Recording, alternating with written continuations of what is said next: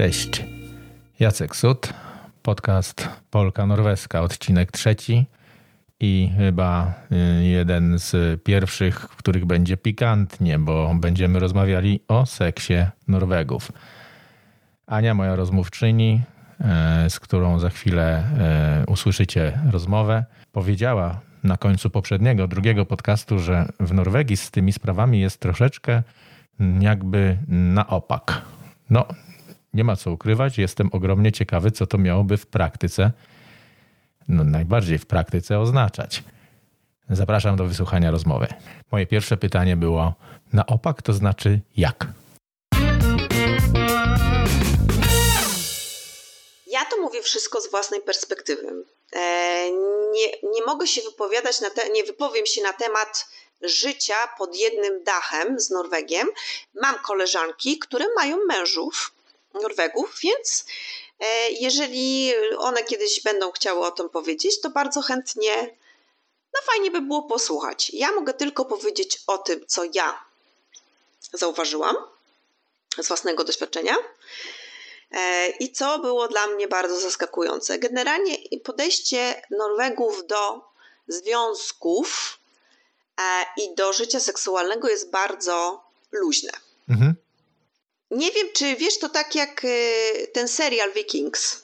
Nie wiem, czy widziałeś ten mhm, serial. No tak, Wikingowie, tak? Tak, to troszkę to tak wygląda. Nadal? Nadal. Mhm. I nawet jeżeli, wiesz, y, jeżeli nawet się jest małżeństwem, to bardzo łatwo się tutaj rozwieść. Mhm. To też mogę o tym troszkę powiedzieć, bo to jest bardzo ciekawe. Ale generalnie oni są bardzo tacy, kobiety szczególnie, też są bardzo pewne siebie i e, jak mają ochotę się zabawić, to się zabawiają. I nie mają z tego powodu wyrzutu sumienia, że ja jestem kobietą, o Jezu, mi nie wypada. Powiedziałabym, że nawet są bardziej męskie niż mężczyźni, w sensie w tych sprawach. Wiedzą, czego chcą. I troszkę takie, mam takie obserwacje, że to taka ta chodzenie do tego łóżka to jest y, takie wejście, zaspokojenie swoich potrzeb i wyjście. I, i, i możemy sobie później pogadać. Mhm. Nie odbierasz tego, że ktoś tutaj ma jakieś takie pretensje do kogoś. Te kobiety nie są takie. One jasno komunikują, co one chcą. O. Czyli troszeczkę jak wspólny posiłek, można powiedzieć. Tak, tak, bo generalnie jest taka bardzo fajna książka. Nie pamiętam tego autora. To jest y, chłopak, który przyjechał tutaj z bodajże do Norwegii z Australii. I on po obserwacji, jakby mieszkając tutaj, napisał taką śmieszną książkę na temat właśnie Norwegia od A do Z. I ta książka jest przefantastyczna, bo ona tam pokazuje właśnie takie zwyczaje, że generalnie on pisze tak, że normalnie na świecie to ludzie, jak się gdzieś tam spotyka się facet z kobitką, na przykład w klubie, tam gadają ze sobą, no jak się, sobie nawzajem się spodobają, no to się umawiają na telefon, idą na jakąś randkę, coś tam. U Norwegów jest najczęściej tak, że piją razem drinka, e, okej, okay, wizualnie pasi, on, ona mi pasi, on mi pasi, no to idą do pokoju hotelowego albo gdzieś.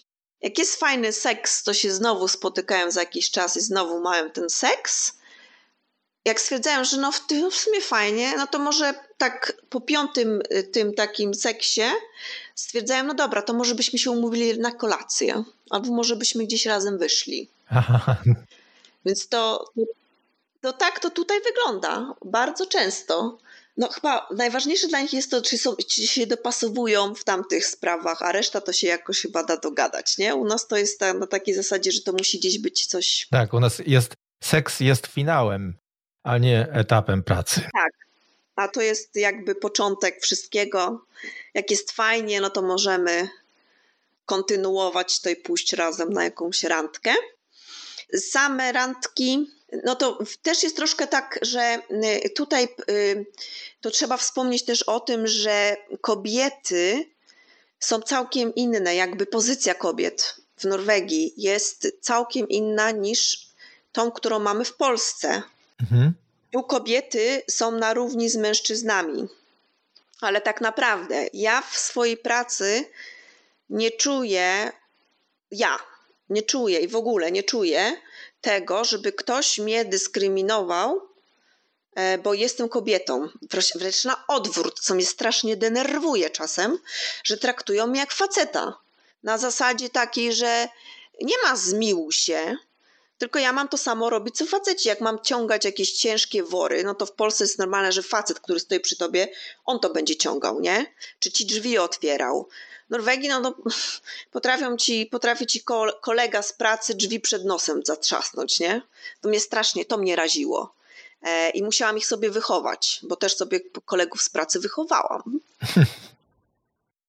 w taki sposób, że i nauczyłam ich nawet kawę nam przynosić na lunchu. No to jest jakaś kontrrewolucja, powiem ci, w twoim wykonaniu. Dla nich tak. E, Dzień Kobiet. E, pamiętam, pracowałam wtedy w firmie takiej olejowej i było takie międzynarodowe towarzystwo, no i był ten 8 marca, oczywiście norweskie, o pff, 8 marzec, co, co to Dzień Kobiet, ohe, ale tak jakoś tak, wiesz, nie przykładało do tego wagi. A ja mówię do chłopaków, a wiecie co, ja bardzo lubię ten dzień. Ja bardzo bym się ucieszyła, jakbym dostała kwiatka. Wyobraź sobie, że jeden z tych moich kolegów pojechał, kupił cały taki wikiet, wikć, tak? Czy jak to się mówi? Taki bukiet? Bukiet, wielki bukiet tych róż i zaniósł każdej koleżance w biurze. I te wszystkie twarde babki po prostu były takie przeszczęśliwe z tego powodu, że dostały tego kwiata, ale no a tak jak mówię, no generalnie one są przyzwyczajone, wiesz, na przykład na, jak siedzi na randkę, to w 99% każdy płaci za siebie, nie? Ja w ogóle jak opowiadałam dziewczynom, bo miałam taki okres, że tam gdzieś randkowałam z Norwegami, z Norwegami, to ja w ogóle śmiały, że ja jakieś naprawdę muszę dziwnych chłopaków spotykać, to znaczy no naprawdę jakichś takich nie, nie sztampowych, bo oni zawsze jak mnie zapraszali, to płacili za mnie. Może wiedzieli, że jesteś Polką.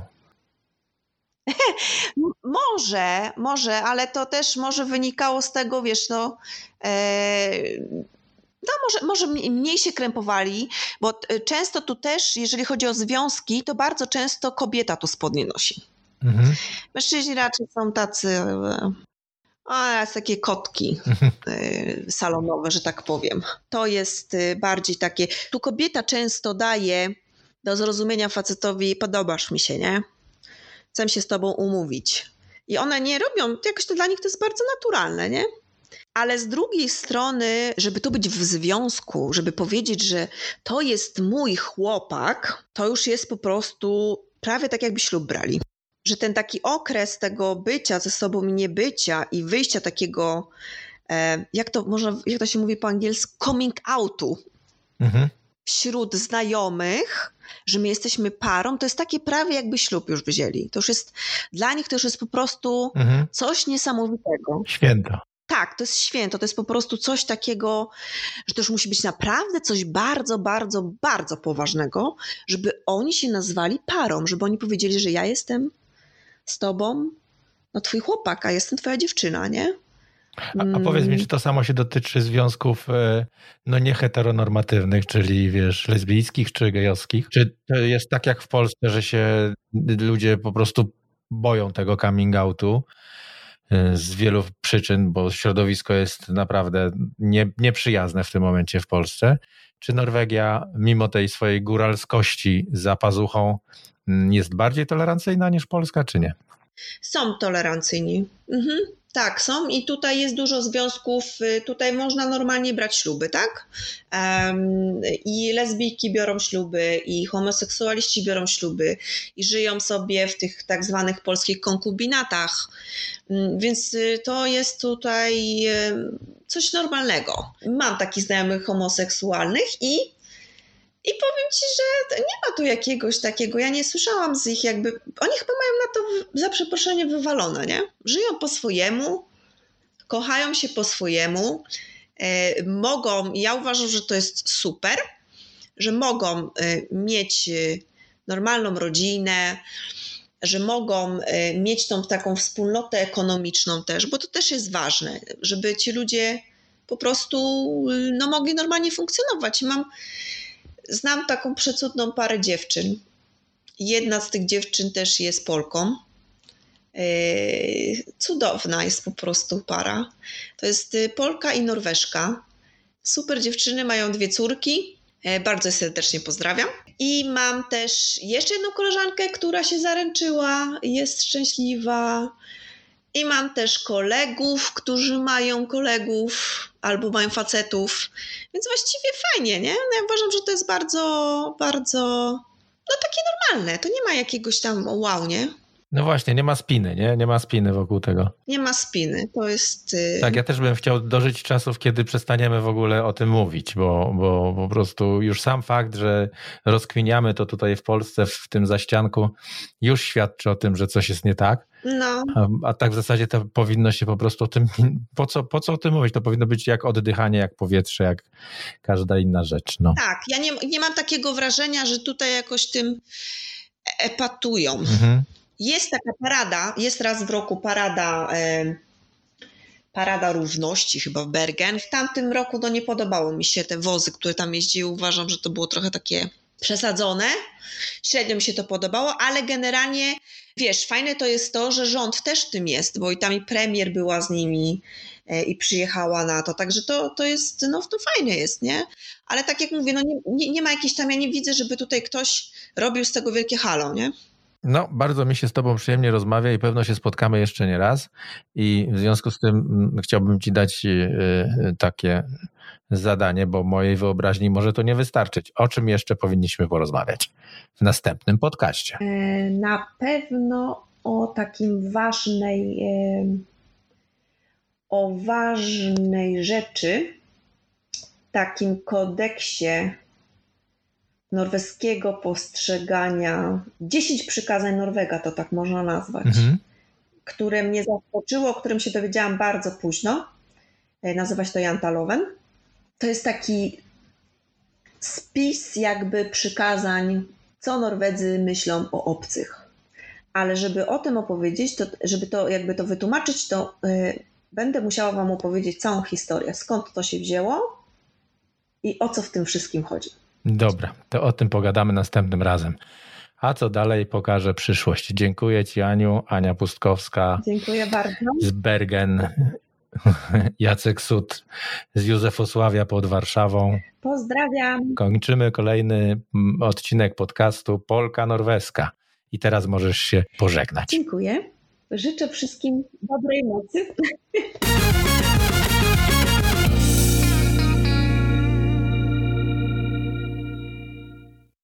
Powiem szczerze, że po takiej zapowiedzi y, natychmiast sięgnąłem do internetu. Nie było łatwo, żeby znaleźć y, to Janta Love, Janta Loven, ale z tego, co mówi Wikipedia, wygląda, że to jest. Y, ale z tego, co mówi Wikipedia, faktycznie wygląda to na dekalog, którym, jak w prawdziwym dekalogu, każdy punkt zaczyna się od nie. Nie sądź, że jesteś kimś wyjątkowym, nie sądź, że nam dorównujesz, nie sądź, że jesteś mądrzejszy od nas, nie sądź, że jesteś lepszy od nas, nie sądź, że wiesz więcej niż my, nie sądź, że jesteś czymś więcej niż my, nie sądź, że jesteś w czymś dobry, nie masz prawa śmiać się z nas, nie sądź, że komukolwiek będzie na tobie zależało.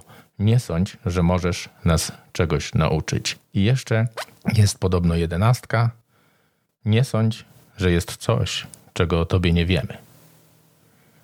I to jest określane w Wikipedii jako stereotyp etniczny. Ciekawe, co powie nam Ania na temat tego, jak to tam wygląda w praktyce. Do usłyszenia. Jacek Sud, Polka Norweska. Odcinek trzeci się zakończył. Zapraszam na czwarty.